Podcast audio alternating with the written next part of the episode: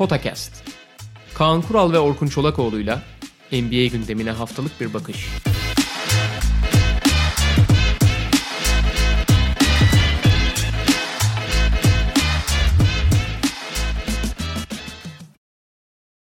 Merhaba, Podcast'a hoş geldiniz. Bugün bir gün erken kaydı yapıyoruz. Sizle yarın buluşacak Podcast ama çarşamba öğlen saatlerinde Kaan Kural'la birlikte kayda girdik. Herkese iyi seneler şimdiden. İyi seneler dileyelim. Bugün oyuna devam çekerken konuşuyorduk da abi şu 2020 yani sonuçta takvimin bir kabahati yok abi. Dünyanın etrafında dönüş bir tur atmasıyla alakalı değil ama doğal olarak hani yeni bir yıla girmek hani yeni ümitler hani her şeyin sıfırdan başlaması için önemli. Hı hı. Bir de abi bu 2020 hakikaten hakikaten bitsin yani. Hani öyle iki şey düşünüyordum da tabii ki yerel olarak çok daha zorlu dönemler olmuştur herkes için. İşte mesela 99 Türkiye için çok zor bir yıldı doğal olarak ama. Ama hani global anlamda her anlamda 2. Dünya Savaşı'ndan beri böyle bir dönem yaşanmamıştı. Bu arada 2021'in en azından bir 3-4 ayı daha böyle gidecek zaten. Hani Hı hı. şimdi hemen yıl bittiği gün dünya değişmiyor ama 2020 baya baya fena olayların arka arkaya geldi ve doğal olarak da pandemiyle hepimizin sıkıldı demeyeceğim ama çok zorladığı bir yıl oldu. Şimdiden herkese mutlu, sağlıklı, ümitlerinin tekrar yeşerdiği bir yıl olsun diyelim. Evet, aynen öyle. Yani insan işte bazen alışıyor ve zamanın kaydını çok tutamayabiliyor ya da farkında olmayabiliyor ama dönüp bakınca hakikaten e, neredeyse bir yıl oldu şu pandemiyle de. Yani Evet. 2020 ile paralel gitti pandemi ve hayatımızın üstüne çökmüş durumda. Aynen söylediklerine katılıyorum. Peki geçen hafta işte ilk şöyle iki günün, üç günün muhasebesini yapmıştık. Çok da fazla çıkarımda bulunmamaya gayret göstererek. Aynı şeyler biraz şu bakımdan devam ediyor. Yani e, tekrarlamayalım uzun uzun ama dediğimiz gibi biraz hazırlık döneminin devamı niteliğinde e, takımlar için. Çünkü zaten kısa bir hazırlık dönemi geçti. Hatta kısa bir off season geçti çoğu takım için. Bazıları için aynı şeyler geçerli olmasa da. Dolayısıyla şu anda aslında bir hazırlık döneminin, bir sezon öncesi kampının devamını izliyoruz. Ama resmi maçlarda bir taraftan başladı. Birçok şeye dikkatli yaklaşmak gerekiyor bu durumdan. Formda takımlara, formsuz takımlara, formda oyunculara, formsuz oyunculara e, bununla birlikte yaklaşmak gerekiyor. Ama bugün dikkatimizi çeken şeyleri biraz böyle ufak hani detaylar ya da oyuncu performansları üzerinden hareketle konuşacağız. Genelden başlayalım istersen Kaan abi. Ondan sonra oyuncu performanslarına da geçeriz. Ee, senin söylediklerine katılıyorum. Şöyle bir ekleme yapayım. Biraz bir şimdi mesela geçtiğimiz hafta içinde abi senle ben birer tane maç anlattık abi. İşte ben Dallas in, e, Clippers sen e, Milwaukee Miami. Şimdi Hı. Dallas Clippers'da Milwaukee Miami'de bu sezonun en iddialı 10 takımı arasındalar. Yani he- her birinin belli oranda ciddi iddiası var yani. Hani bırak iddialı olmalarını veya işte güç farkını abi bu düzeyde böyle maç olur mu ya? Yaşanır mı abi? Ya devre 77-27 bitti Dallas maçında. Sizin maçta hani Milwaukee tamam çok ekstra bir üçlük günündeydi. Ee, 29 üçlük falan soktu ama 50 oldu abi maç. 50 nedir abi? Hani 25-30 değil ki 50 diyorsun abi. Hı hı. E, sizin maçtan bahsederken şeye bakıyordum abi. Phoenix e, şey New Orleans maçı. Abi iki çeyrek başa baş bitti. Sonra bir baktım o iki çeyrek, o da iki çeyrekte. ikinci ve üçüncü çeyrekte 45 fark attılar abi. Şimdi bu biraz biraz kusursuz fırtına durum, durum var. Senin söylediğin konu çok önemli. Yani e, sezon öncesi hazırlığın kısa olması. Buna takımların ve oyuncuların birbirinden farklı yaklaştığını ve farklı form seviyelerinde geldiğini görüyorsun. Hı hı. Ve bazı takımlar veya bazı oyuncular çok, çok iyi durumdayken bazı oyuncular için daha yani e, en basit örneği Doncic abi hani iyi oynuyor mu oynadı formda yani şey değil fit durumda değil. Geçen seneki yok işte bu seneki yok içi düşün abi. Geçen seneki yok iç biliyorsun 15 kilo fazlayla gelmişti. Bir ay yürüyemedi sahada zar zor yürüyordu. Sonra bu sene de acayip formda mesela korkunç iyi durumda. Yok hiç fiziksel olarak kariyerin en iyi durumunda mesela. Hı hı. Hani yok hiç örneği çok bence iyi bir örnek. Fakat diğer her sezon başında buna benzer şeyler ama bu sezon çok çok ekstrem noktada. Bunun yanında basketbol o kadar hızlandı ki ve o kadar yüksek skorlarla oynanabiliyor ki abi en ufak bir şekilde oyundan düşersen hani e, hep şey söylemleri var ya ben e, çoğu zaman hani geri geldiğinde söylüyorum ama uzun uzun anlatma gereği duymuyorum. Podcast dinleyicilerin çoğu hakim bunlara zaten. Şimdi NBA'de savunma yapılmıyor muhabbeti var ya. Abi tam tersine ha, savunmanın şekli çok değişti. Artık temas temelli, pozisyon temelli değil. Tamamen yönlendirme ve sınırlama temelli savunma yapıyorsun. Başka türlü yapamazsın çünkü oyuncular oyuncuların becerileri inanılmaz artmış durumda. Ortalama Eskiden abi ortalama bir oyuncuyu doğru düzgün savunmana gerek yoktu. Diğer oyunculara ve pozisyona göre savunuyordu. Şimdi abi herkes çok ciddi tehdit olduğu için skor tehditleri özellikle dışarıdan yani sahanın çok daha geniş bir alanı olduğu için maç bir anda kırılabiliyor. Çok acayip seriler arka arkaya görüyorsun. Şimdi e, şey vardı. NBA'de işte bir çeyrekte 15 sayılık farkların oluştuğu dönemleri çıkarmışlar. Abi işte 90'larda 2000'lerde falan bu işte yüzde üç mü yüzde beş oranında mı neyken abi şimdi o yüzde onlara gelmiş durumda. Çünkü çok çabuk kırılabiliyor oyun ve en ufak bir konsantrasyon kaybedersen paramparça oluyorsun. Yani savunma yapımı savunmanın gerçekten ciddi yapılamadığı durumlarda hı hı. E, dikkatinin en ufak kaybolduğu anda nasıl paramparça olduğunu görüyorsun. Savunmanın yapılıp yapılamadığını oradan çok net ölçersin yani. Yapılıp yapılmadığını.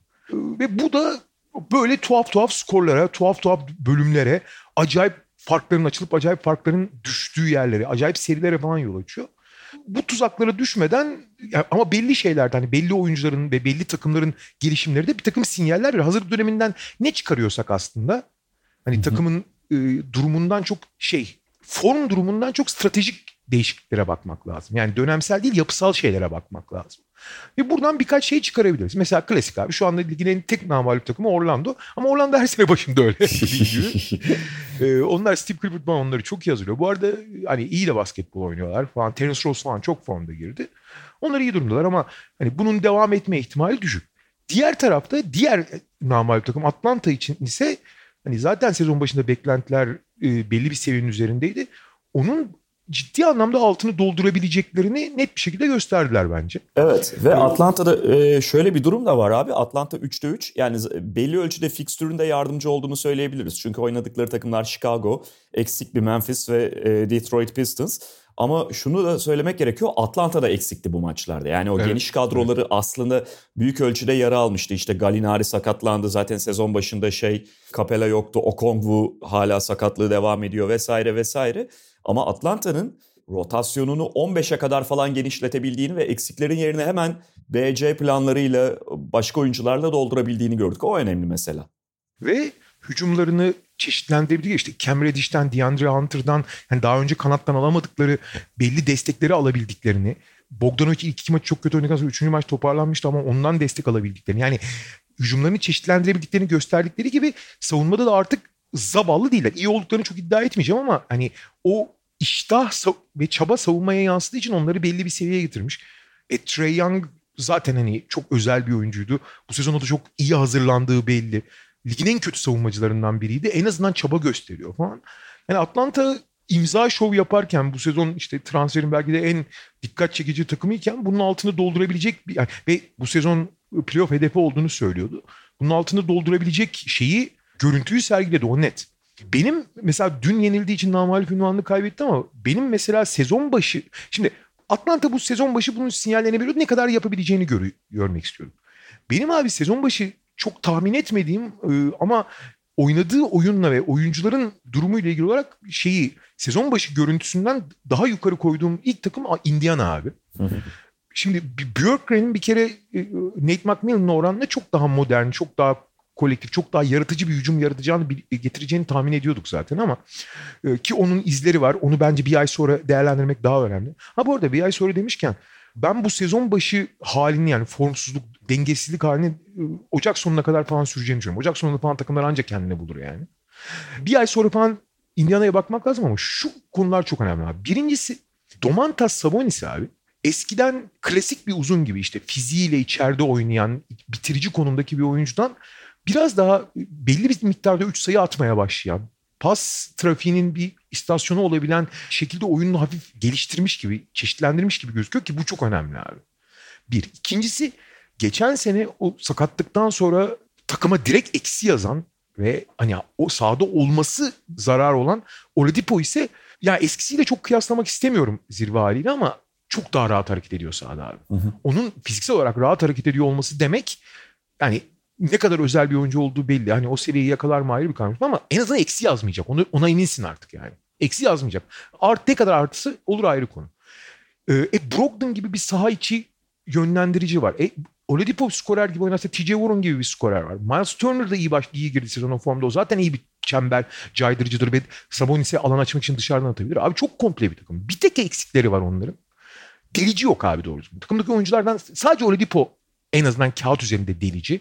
Yani fiziksel kendisini iyi hissediyor olmasına rağmen o eski deliciliğini çok göstermiyor. Ama o deliciliği de Oladipo gerçekten verebilirse Hı hı. e, Indiana hani onları işte Doğu'nun sağlam ama hani iddiası çok sınırlı takımından ben gerçekten ciddi tehdit konumuna sokabilirim kafamda yani. Domantas Sabonis'le ilgili şu istatistikleri vereyim. Yani tabii ki 4 maç çok ufak bir örnek grubu. Dolayısıyla dikkatli yaklaşmak gerekiyor birçok şeyde olduğu gibi ama senin söylediklerine destek olarak asist ortalaması geçen sezon 5'ti ki bir uzun için çok önemli bir miktar bu. E, ama şu anda 7.3 mesela. 7.3'te kalmayacağını 3 aşağı 5 yukarı tahmin edebiliriz fakat benim de dikkatimi çeken bir konuydu senin bahsettiğin. Yani daha oyun yönlendiren, daha geçen sezonki rolünden farklı rolde gözüken bir Damantas Sabonis var. Keza 3 sayı denemesi de geçen sezon da artış göstermişti. Bir önceki sezon 0.2 iken geçen sezon 1.1'e çıkmıştı. Ama yüzdesi çok düşmüştü. Bu sezon geride kalan 4 maçta maç başına 2.8 denemesi vardı Sabonis'in ve iyi de atıyor şimdilik. %46 ile isabet buluyor. Yani zaten çok temiz bir orta mesafesi olduğunu biliyoruz. Fena da serbest atış atmayan bir oyuncuydu. Dolayısıyla pekala geliştirilebilir bir şutu var. Bu ne kadar devam ettirecek? Orası ayrı bir konu. Yani %45-46 seviyesinde üçlük atmayacağını ya da 7 asist üzeri kalmayacağını biliyoruz. Fakat oyunu biraz daha değişen bir Domantas Sabonis var. Bu da Indiana'ya yansıyor. Aynen öyle. Ee, Cleveland 4 maçta 3 galibiyet. Onlar da tabii fikstürden bayağı yararlandılar ama onların da şeyini söylemek lazım abi. Yani geçen sezonun son bölümünde, son bölümü derken geçen sezon yarıda kaldığı için aslında geçen sezonun ortası demek lazım. Aha. Abi Colin Sexton ve Darius Garland yani ana karar vericiler o kadar dağınık, o kadar kendilerini oynayan fakat o konuda da beceriksiz yapan oyunculardı ki her şeyi bozuyorlardı. Abi bu sene Sexton ana skorer olarak daha doğrusu geçen sezonun ortasına itibaren ana skorer olarak kullanılıp takımı oynatmaya çalışmayacak. Garland ise o alanda kademe e, atlayınca hakikaten çok daha değerli toplu gözüküyorlar. Tabii ki bir sürü delikleri, bir sürü defoları var ve bu çabaları azaldığı zaman, rakip takımlar oturduğu zaman bu kadar iyi gitmeyecekler ama ligin en zayıf takımları olmalarından biri beklenirken ki bunun ana, ana sebebi dağınıklıklarıydı. Hı hı. E, hiç öyle bir dağınık takım gibi değil. Yani çok değerli toplu, en azından belli bir plan çerçevesinde, belli bir şey içinde hareket ediyorlar. E, Andre Drummond da kontrat sezonu olduğu için kendini yırtıyor. Doğru. O yüzden e, yani Cleveland beklendiği kadar ya bir kere çok iyi başladı ama zaten beklendiği kadar da kötü olmayacak bence. Yine de tabii zaman zaman limitlerini sert biçimde e, duvara çarparak hissedecekler. Mesela dün New York'a yani bildiğimiz New York Knicks'e 86 sayı atabildi Cleveland Cavaliers. Ee, %22 üçlükte kaldılar. Senin de sezon içinde altı şey sezon başında altını çizdiğin ve özellikle izlemek istiyorum dediğin maçtı New York Cleveland. ya dün bak şöyle bir şey vardı. İşte İnan'la birlikteydik Miami Milwaukee maçında. Zaten 5 dakikada hatta maçın ilk molasına girilirken belli oldu. Jim Butler oynamıyor. İşte Milwaukee zaten hırslanıp gelmiş falan. İnan şey dedim molada. Ya keşke aslında Knicks Cavaliers gibi bir maç anlatsaydık. Yani hem değişiklik olurdu hem farklı açıdan ilginç. Hem de burada işte Milwaukee Miami beklediğimiz Milwaukee Miami maçı olmuyor. O bakımdan da daha iyi olurdu belki diye. Çok kaliteli bir maç olmadı belki ama işte e, Knicks Cavaliers gibi maçlarda farklı bir deneyim sunuyor. Ve işte Cavaliers dün o kötü hücum günlerinden, bol bol da yaşayacakları kötü hücum günlerinden birini yaşadı. E, zaman zaman olacak bunlar. Bu arada maç o kadar tuhaftı ki abi. Abi sana bir şey söyleyeceğim. Mesela sezon başı trendlerinin ne kadar saçma olduğuyla ilgili çok güzel bir örnek. Abi şu anda NBA'de en yüksek takım halinde en yüksek yüzdeli üçlük atan takım hangisi biliyor musun? Abi yani ya bu takım hani sezon başı itibariyle sen de ben de hem fikirdik. Modern basketbol tepki olarak duymuş. Bu kadar şütörsüz takım mı kurulur dedik. Yani takımda kalbur üstü şütör olarak yani şütör diye niteleyebileceğin tek oyuncu Reggie Block. Alec Burks de fena değildi ama çok fazla atmıyordu. Daha çok penetre ederek oynuyordu. Alec Burks de iyi atarak başladı.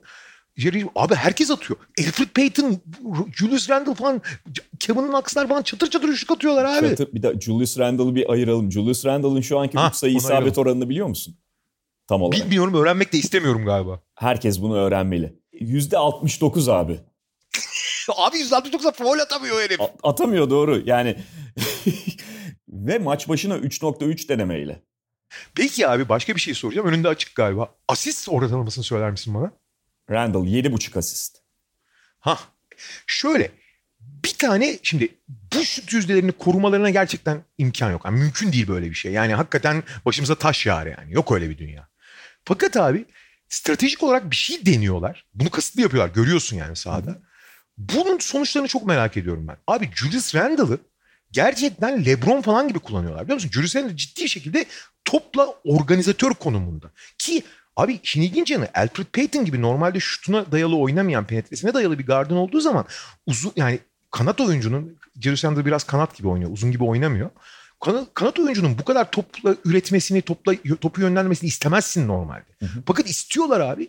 Şu ana kadar iyi yapıyor demeyeceğim. Yapıyor çünkü asist rakamını söyledim. Top kaybı oranını da söyle istersen. 5. Ortalaması. 5 top kaybı. Dün mesela deli gibi de top da kaybediyor ama yani deli gibi top da kaybediyor ama yapıyor abi.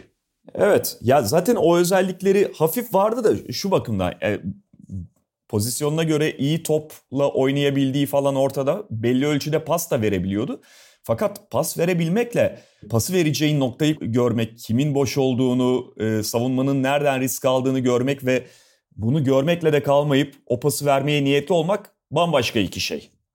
Julius Randle'da özellikle bu Aynen öyle. ikincisi ve üçüncüsü yok hayatı boyunca. Çünkü tünele girer Julius Randle biliyorsun. Topu yere vurduğunda pota odaklı bir oyuncu ve başka bir tarafını görmüyor. En büyük problemi oydu.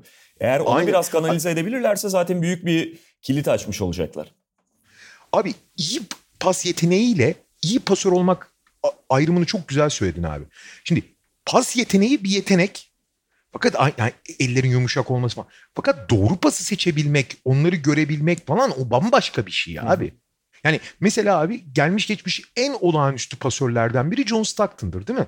Evet. Abi John Stockton'ın hiçbir zaman yani tabii ki arada çok özel bir iki tane var. Bu işte NBA finalinde full court attığı bir pas falan vardı. Çok güzel pasları vardır ama John Stockton hiçbir zaman çok böyle insanları büyüleyen bir pas yeteneğiyle gözükmedi. Hep doğru pası bulduğu için, doğru açıyı bulduğu için muazzam pasör oldu. Ki bütün iyi pasörün en büyük özelliği odur yani.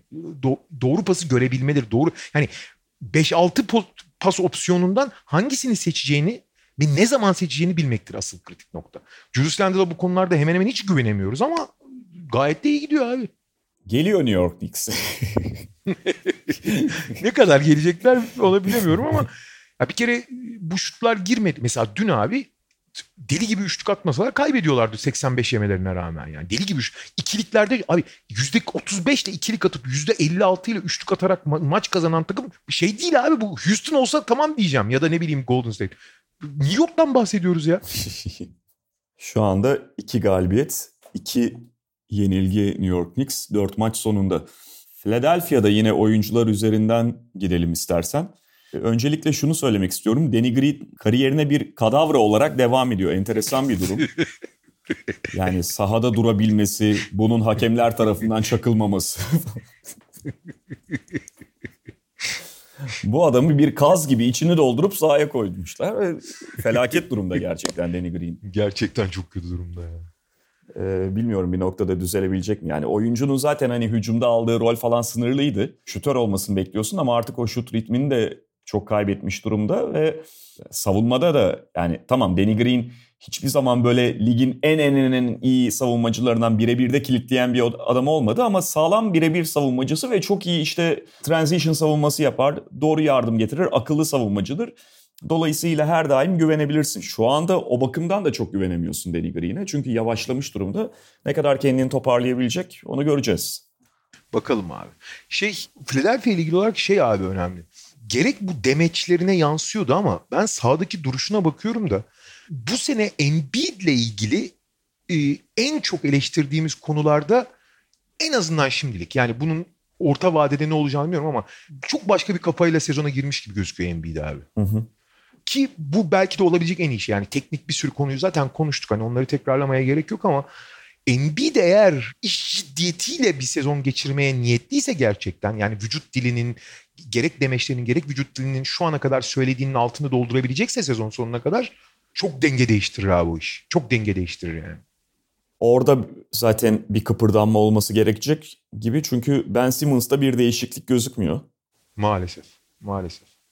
Brooklyn'i biraz geçen hafta konuşmuştuk zaten. Geçen yani hafta konuştuk. Bence sakatlıktan bahsedelim konuş... daha çok belki Brooklyn'de. Yani evet. araya onu da koyalım. Spencer Dinwiddie sezonu kapattı. Şu vardı yani yine geçen hafta konuştuğumuz bir konu. Spencer Dinwiddie zaten bu takımda biraz e, performansa ayrılan, biraz performansı sırıtan oyuncuydu. Çünkü sahip olduğu özellikler itibarıyla Kevin Durant'in ve Kyrie Irving'in yanına koyacağınız üçüncü, dördüncü parçalardan biri değil. İdeal o tip parça değil Spencer Dinwiddie. E, kenardan gelen oyuncu rolünde de zaten Caris LeVert var. E, Spencer Dinwiddie'yi ilk beş çıkarıyorlardı. Hani onun daha çok bir takas parçası olarak anlamı vardı. Şu anda Brooklyn'in esas aldığı yarı da o zaten. Yani yine Spencer Dinwiddie'yi belki takas edebilirler ama oyuncunun bir senesi gitmiş durumda ve takas malzemesi olarak değerini kaybetti. Ve hani takas tarafı bir tarafa çok ciddi bir şekilde gönül indirmişti abi. Çok ne derler gösterisiz bir rol için. Ki e, abi Kyrie ve Kevin Durant'ın olduğu yerde belli insanların gönül indirmesi gerekiyordu. Onun bunu yapması hem teknik açıdan hem takım soyunma odası uyumu açısından önemliydi yani. Hı hı. Boston'ın bence kadro darlığı ile ilgili sorunları var. Çok şey. Evet. E, bence Doğu'da ya Batı'ya geçmeden önce Doğu'da son konuşmamız gereken takım Toronto abi.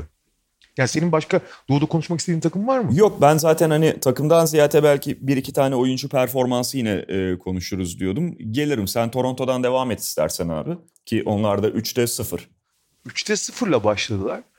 Bir kere şey biraz yani abi şimdi Nick Nurse'u çok takdir ediyoruz değil mi? Hani herkes de NBA'de çevrelerinde de aşırı takdir ediyor falan ki çok hak ediyor da bunu.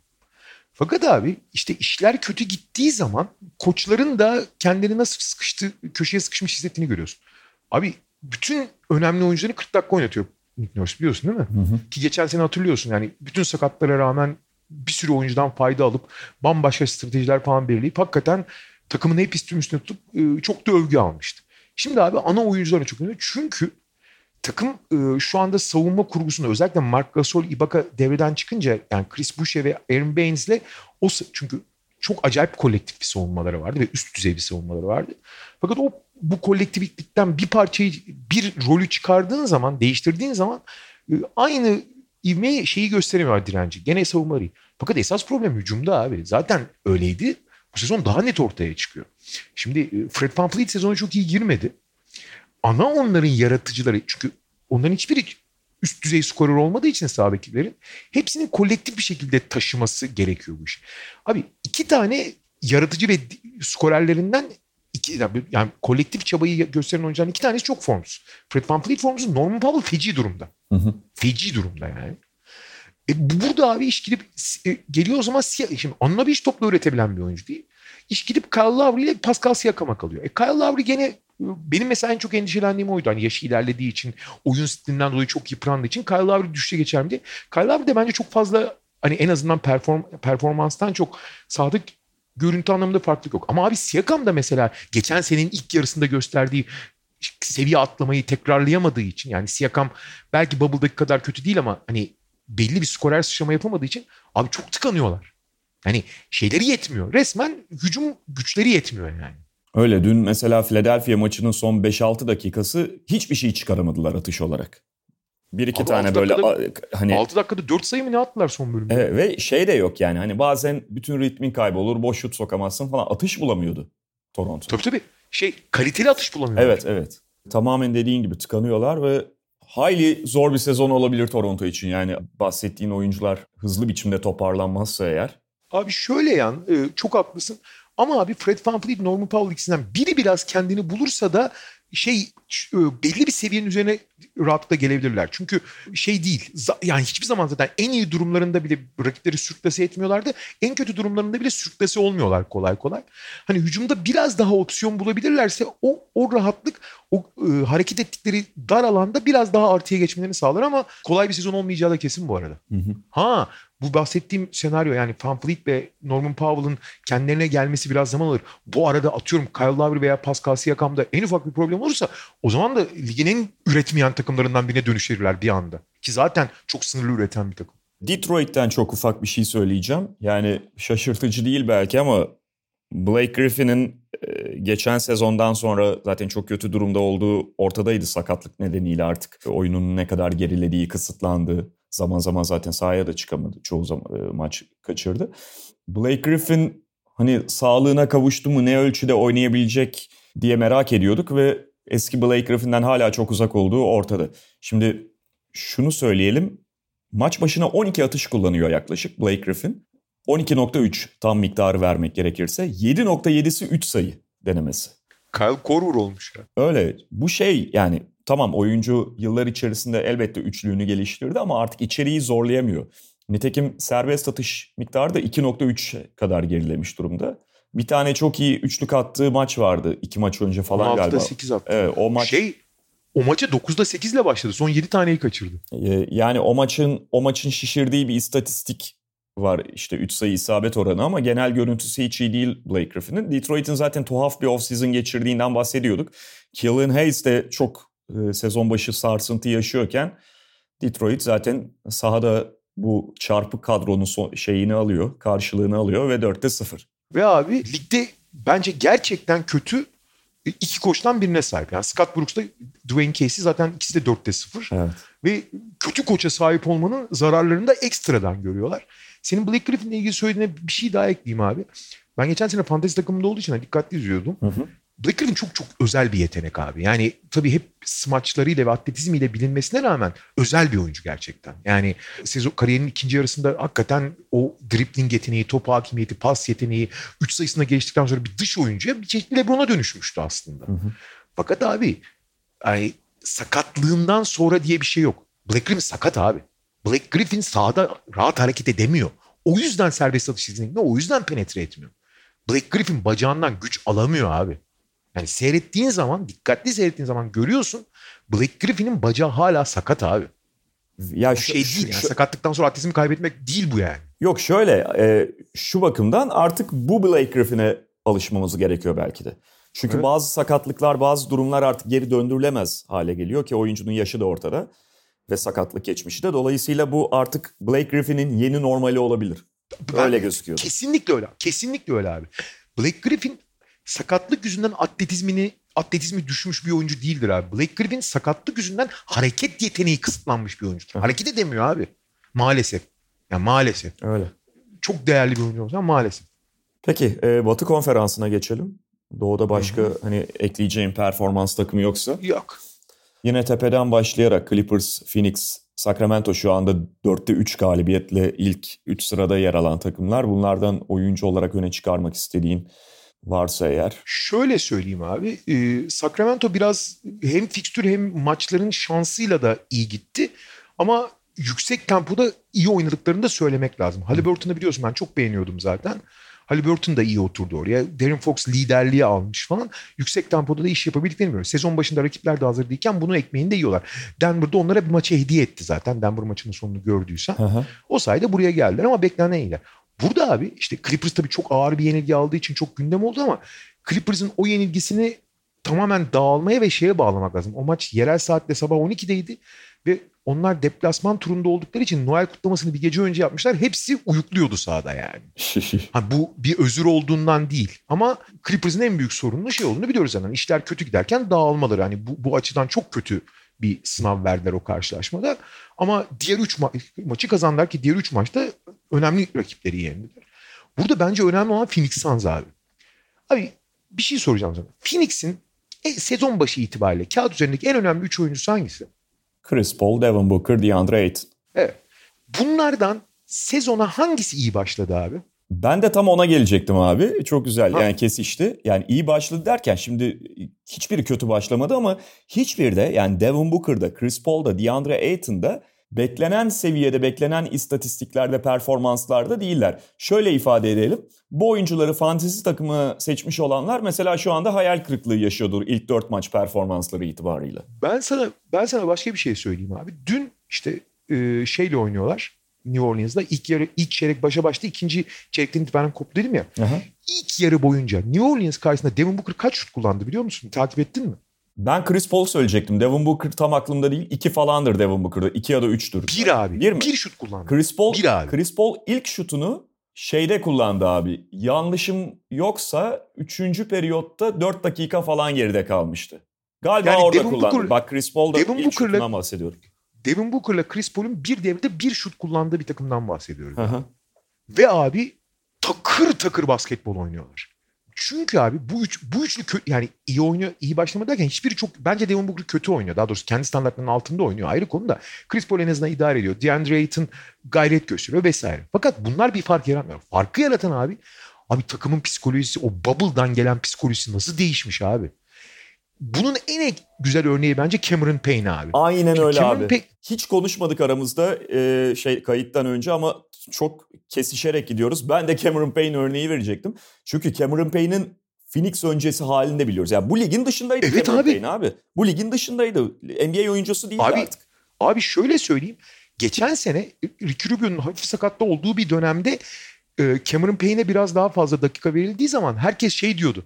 Abicim Cameron Payne oynayacağına yani Devin Booker bir numarada çok verimsiz oluyor ama Devin Booker oynasın gene de. Cameron Payne'e verdiğin her dakika eksi bu adamın e, 15 kişilik kadroda yeri yok diye konuşuluyordu. Hani bunu konuşuluyor derken biz de fikirdik abi. Cameron Payne'in NBA'de yeri yok diye konuşuyorduk. Abi Cameron Payne'i izliyorum. Allah'ım diyorum ya.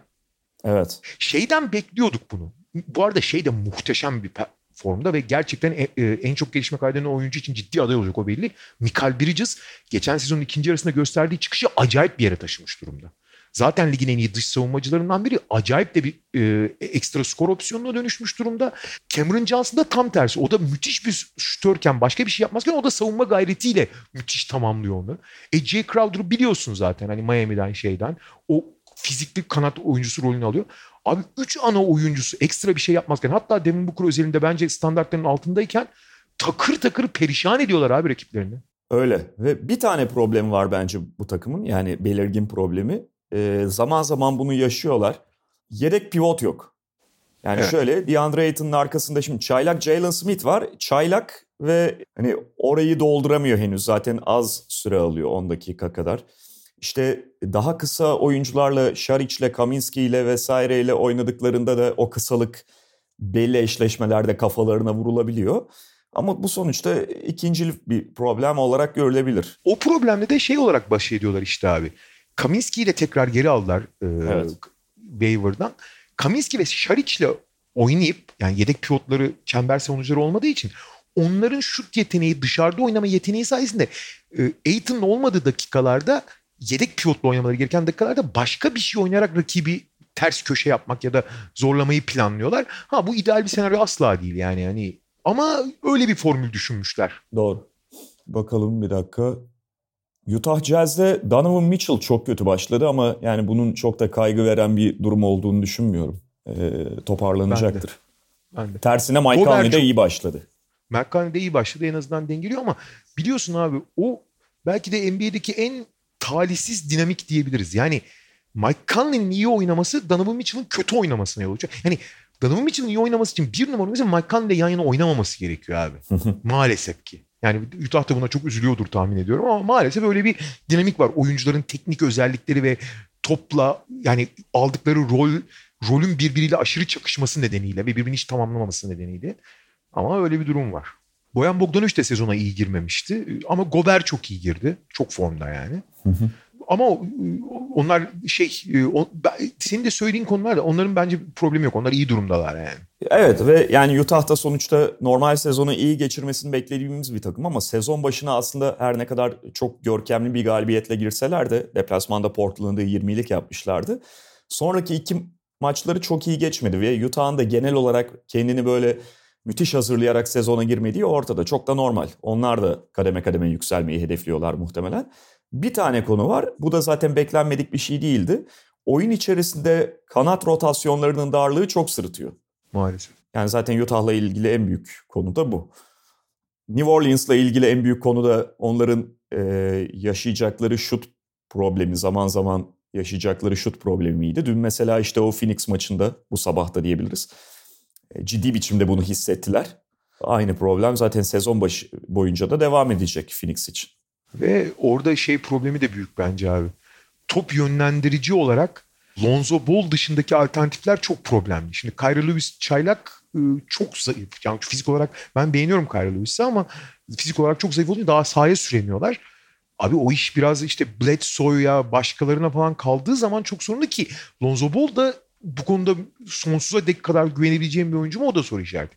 Yani diğer oyuncuların özellikle kanattan top yönlendirme eksikliği olduğu için New Orleans'ın bugün hani üst düzey takımların hepsi sahada 3 bazen 4 tane top yönlendirici bulundururken çok güdük kalıyorlar o açıdan. Çok güdük kalıyorlar yani. Evet ve şöyle bir şey şimdi mesela Brandon Ingram geçen sezonun en çok gelişim gösteren oyuncusu ödülünü almıştı.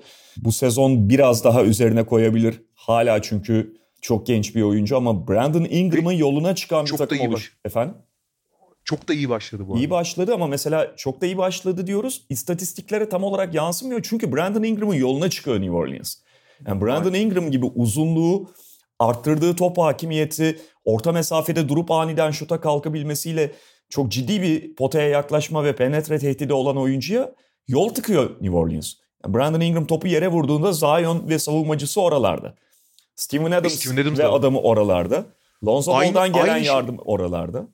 Aynı şey belki de daha da dramatik olarak Zion'ın problemi abi. Tabii ve yani bunlar en önemli iki tehdidin ve dolayısıyla en önemli iki üreticinken sen bunların etrafında sahayı açamıyorsun. Bledsoe ve Steven Adams takımın savunmasına pozitif katıyorlar. E, Zaman zaman görüyoruz bunu ama takımın hücumunu da tıkayan iki faktör. Bledsoe'nun ve e, Adams'ın varlığı. Ve abi yani Bledsoe biraz kutuplaştırıcı türde oyunculardır. Yani Ben Simmons falan gibi. İyi yaptığı şeyler var, hiç yapamadığı şeyler var. Abi o tip oyuncuları iyi yaptığı şeylere hapsedip ya da iyi yaptığı raya koyup yapamadığı şeyleri istediğin zaman çok büyük e, her şey iyidir ama abi Bledsoe'dan karar vermesini falan istediğin zaman geçmiş olsun abi. Geçmiş olsun yani. Golden State Warriors'ta bilmiyorum kötüleri mi konuşalım, biraz daha ümit vereni mi konuşalım ama belki ikisini birden. Ya Kelly Oubre ve şey, şeyi Andrew Wiggins'i belki bir sepette değerlendirmek gerekiyor. Abi dünkü maça kadar ilk 3 maçı itibariyle Kelly Oubre'nin smaç olmayan pozisyonlardaki şut yüzdesini biliyor musun? Sıfır. Sıfır Yok, isabet. Yok %3 abi. Yüz, ha bir tane üç. buldu mu? Bir tane bu. Son maçı kalmıyor. Ben... 33'te 1 abi. 33'te 1. Ben direkt 0 diye hatırlıyorum. %3. 3 abi. Tebrikler Kelly Oubre. Andrew Wiggins de dağılmış durumdaydı. Dün neyse biraz toparladı. Yani 8'de Şöyle, 5 üçlük Andrew- 27 sayı. Bu arada hani dünkü maç tabii rakiple de çok alakalı. Yani rakipte de fazla direnç olmadığı için çok rahat oldular. İlk 3 maçı itibariyle Andrew Wiggins felaketti. Ubre o kadar kötüydü ki Andrew Wiggins'den de bahsedilmiyordu fazla yani. Abi orada da şey var. Mesela Stephen Curry çok formda bu arada. Çok iyi durumda Stephen Curry. Hı hı. Ve iyi durumda bir Stephen Curry'yi izlemek büyük keyif. Ama ben hep söylüyorum abi Curry'nin en büyük şansı ve şanssızlığı belki de abi Curry diğer süper yıldızların aksine tek başına bir takımı yukarı çok yukarı çıkaran yani daha doğrusu hani eğer bir başarı merdiveni 20 basamaklı bir merdivense ben hep diyorum ya abi ilk ilk 5-6 basamağa çıkan türde değil. Son basamakları çıkaran ki bence daha zor olan odur. Hı hı. Oraları çıkaran türde bir oyuncu. Yani etrafındaki iyi oyuncuları süper gösteren bir oyuncu. Varlığıyla, tehdidiyle, şunuyla bunuyla. Ama etrafındaki oyuncular hiçbir şey yapamadığı zaman Stephen Curry'nin üzerine göster fiziğiyle oynamamasıyla alakalı bu tabii. Stephen Curry'e gelen yardımlar, savunmanın Stephen Curry'yi kontrol etmek için aldığı riskler, e, ayırdığı kaynakları hiçbir şekilde cezalandıramıyorlar. Tam tersine daha beter oluyor her şey. Yani şey diyorsun, abi iki kişi orta sahada Curry'nin üstünde abi oradan atsın bari diyorsun yani Ubre'ye vereceğine. Aha bu arada bu problemler var. Şimdi Draymond Green oraya yardımcı olacak. O 4'e 3 oynamayı falan iyi bilir falan filan. İyi durumda bir Draymond Green'den. Fakat abi esas büyük problem savunmada ya. Abi ben çok şey- net söylüyorum. Tabii sezon başı bu takım bir araya gelecek. Daha koordinasyon falan bunları kabul ediyorum. Draymond Green tek başına zaten birçok kişi organize ediyor. Ona da eyvallah. Fakat abi ben çok çok uzun süredir çok kötü savunmalar gördüm. Cleveland'lar neler neler gördük abi. Geçen seneki Washington falan. Ben abi boyalı alanda bu kadar temassız bir takım daha görmedim. Abi New Orleans maçını anlatıyorum. Pardon New Orleans diyorum. Philadelphia maçını anlatıyorum. Abi Jrue da içeri gir. Ama ne Philadelphia'sı ya? Milwaukee. Beraberdik. Şey, Milwaukee. ben de diyorum nefes. Ya, abi Jrue da içeri girdi. Biri temas mı etti? Bir şey oldu. Topun kay- top yere düştü abi. Boyalı alanın içinde. Dört tane beyaz formanın içinden topu yerden alıp kaldırıp hiçbir şey yokmuş gibi turnike attı. Dört kişi de seyrediyor abi adamı. Yani bu bir örnek. Bunun gibi abi boyalı alana girene bir tane temas sağlayan oyuncu yok ya. Bu çember savunucu Wiseman'ın falan Wiseman'ın oralarda çok büyük defekleri var. Hücumda çok iyi gözükmüş olsa da savunmada çok büyük defekleri var. Gayet de normal. Ama abi takım halinde bir temassızlık cenneti orası. Voleybol yani sanki voleybol takımı gibiler abi. Kimse kimseye dokunmuyor ya.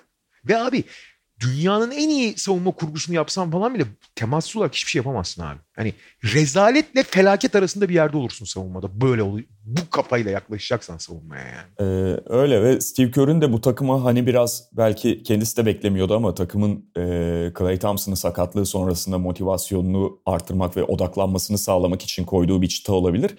İşte ilk 10 savunma takımından biri olalım hedefinin ne kadar aslında gerçekten uzak olduğunun bir göstergesi. Çünkü Draymond Green de yokken eldeki bu malzemeyle dediğin gibi o temassızlık ve sertlikten uzaklık da yapamıyorsun bunu. Wiggins zaten o karakterde bir oyuncu değil. Kelly Oubre zaten yani maç içerisinde kendine rekabet falan bulması gerekiyor o kadar odaklanabilmesi için. E Wiseman çaylak, Draymond Green kenarda yok. Draymond Green bir kere saha içinde o yönlendirmeyi yapacak başlıca oyuncu. Onun olmaması takımın savunma anlamında %50 kayıp kaybı anlamına geliyor. Ve bu malzemeyle de çıkmıyor savunma ortaya. Yani hep göz ardı edilen bir şey var işte Golden State'in e, başarısında tabii ki kolektif oyunları, topsuz oyunları, üç sayıları falan çok değerliydi ama o Golden State takımları yani 5 sene üstü oynayan falan oynayan Golden State takımları hep ya çok iyi ya elit savunma takımlarıydı abi. Hı hı. Bu takım en iyi senaryoda bile vasatı bulamaz abi kolay kolay. Devam ediyorum o zaman.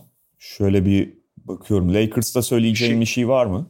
Abi Lakers şey olmuş durumda bence. Yani zaten sezonu en geç kapatan takım kutlamaları falan düşününce Lakers şey onu konuşmuştuk ben hiç şaşırmadım. İşin ilginç yanı şeye şaşırdım bir tek. Abi LeBron bayağı iyi durumda yani ki ben LeBron'un hani daha hiç Cleveland LeBron gibi hiç takılmayacağını düşünüyordum.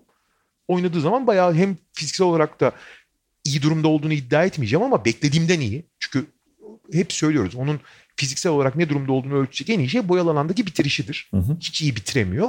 Ama kendini vererek oynuyor, şey yapıyor, takıma liderlik falan ediyor. Yani e, takımın kendi bir e, en iyi durumda olması ve takımın sermesine izin vermiyor açıkçası. Ama Anthony Davis falan filan hiç sezona hazır değiller. Çok da normal. Bunu eleştirmek için söylemiyorum.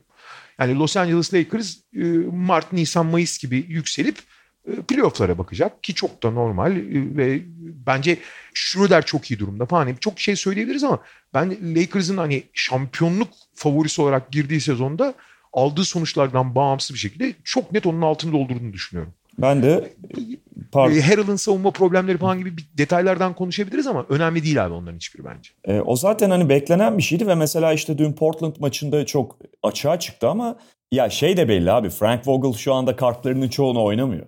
Tabii canım. Ya Hiç, dün mesela 11 kişiyle, o... her maç 11 kişiyle oynuyor abi. Öyle ve dün mesela Marcasol ilk o Clippers maçından sonra falan biraz e, şey diye bahsedilmişti ya ya bu Marcasol ölü işte Toronto'da Celtics serisinde de gözüktü niye aldı Lakers bunu falan. Marcasol toparlandı oradan sonra biraz eşleşmeye bağlı belli eşleşmelerde sahada tutamayabilirsin. Celtics de biraz zaten öyle bir eşleşmeydi ve Toronto Celtics serisinde o yüzden Gasol çok zorlandı ama Gasol yavaş yavaş toparladı ondan sonra. Ha Ve şey kıvamında onların... halı sahada defansta duran abi kıvamında Marc Gasol yani. ama onların LeBron'la iletişimi ve LeBron'la organizasyonu da çok ekstra yani beklenmedik derecede olumlu şeyler yaratabiliyor hücumda. Yaratıyor da zaten. Ama mesela Marc Gasol'ü hala şey iyi dün iyi oynadığı maçta da 20 dakikanın üzerine çıkarmıyor Frank Vogel. Yavaş yavaş kullanıyor. Ondan bahsedebiliriz. Şeye geçelim. Bir sakatlık olarak Towns'tan bahsedeceğim. Yani işte evet. onun da el bileğinde sakatlık var. Şu anda net bir süre verilmiyor ama Minnesota'nın kaçıracağı süreye bağlı olarak yarışta ciddi kayıp yaşamasına sebep olabilir. Çünkü haftadan haftaya e, kontrol edilecek Carl Towns. İlk söylenen o. Yani atıyorum iki hafta falan kaçırsa gerçekten orada çok ciddi kayıp alabil- e, yara alabilir Minnesota ki 2'de 2 ile başlamışlardı. Ama onlar hep iyi başlayıp ondan sonra o savunmayla işleri çok zor abi onu da söyleyeyim. Evet. Yani zaten hani çok ihtimal vermiyorduk ama ıı, savunmada en ufak bir ilerleme de görmedik. Hani takım halinde bir kolektif ilerleme falan olur. Hani oyuncuların yeteneklerinden falan öyle bir ilerleme de göremedim maalesef ben. Benim son do, de, do, de, dokunmak istediğim konu Art'ın programın başında bahsetmiştik ama şu ana kadar da ligin MVP'si bence yok hiç. Her ne kadar 4 maçın 3'ünü kaybetmiş gibi gözükseler de Abi acayip bir seviyede oynuyor ya. Hakikaten acayip bir seviyede oynuyor. Yani MVP adaylarının çoğu da biraz e, öyle çok hızlı girmediği için sezona işte Yanis. Harden iyi girdi de Harden dağınık olduğu için onu saymıyorum ama mesela Yanis iyi değil. Anthony Davis iyi değil. LeBron zaten çok takılmıyor. E Doncic fazla kilosu var falan. iyi oynuyor ama o kadar ekstra işler yapmıyor. Abi şu ana kadar yok hiç. Acayip bir basketbol oynuyor ya. Hakikaten çok acayip basketbol oynuyor yani. Öyle. Ama Denver buna rağmen 4 maçta bir galibiyet alabildi. Dün mesela Jamal Murray oynamadı. Tabii o da önemliydi. Fakat şu var abi ben de sen yok içten girmişken Denver'dan devam edeyim. Son iki ben de söyleyeceğim. Zaten biraz böyle beni şaşırtan bir durumdu. İlk maçlarda destekledi. Facundo Campazzo'yu niye aldı Denver? Ne düşündü ben çok anlayamıyorum. Abi onu aldığı günde söylemiştik. İzledikçe daha da üzücü oluyor durum. Yani başka bir takımda NBA'de tamam olabilir. Bütün fiziksel e, problemlerine ve playoff'ta direkt üzerine gidilebilir haline rağmen ama Denver niye aldı hiç anlamadım. Hatta yani aldığı gün dedim ki herhalde tamam Montemoris'i bırakacaklar. E, kontrat yenilemeyecekler. Son sene olarak kullanacaklar takasla falan. Bir de Montemoris'e yeni şey verdiler. Kontrat verdiler. Gerçi çok kötü bir kontrat değil o. Takas edilebilir bir kontrat. Herhalde Morris'i takas edecekler diye düşünüyorum ama Facundo Campazzo şu anda süre alamıyor. Aldığında sahada bir e, şeyi yok. Tam bir rolü yok. Onu göre, göremiyorsun. Anlamadım yani. De. Aynı şeyi sezon başında da konuşmuştuk. Çok haklısın.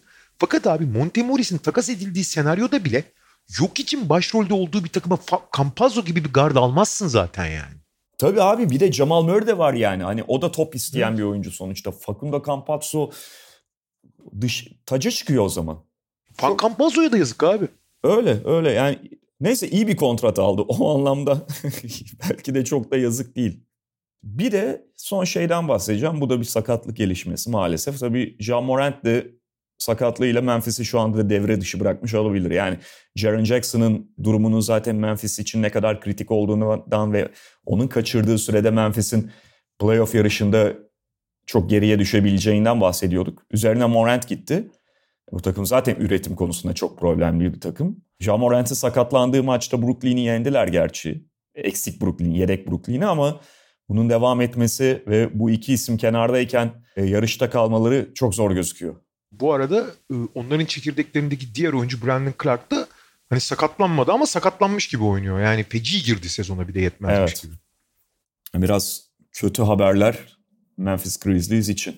Peki o zaman böyle bitiriyoruz. E, bir kez daha iyi seneler diyoruz, diliyoruz. Tekrar görüşmek üzere gelecek sene. Hoşçakalın.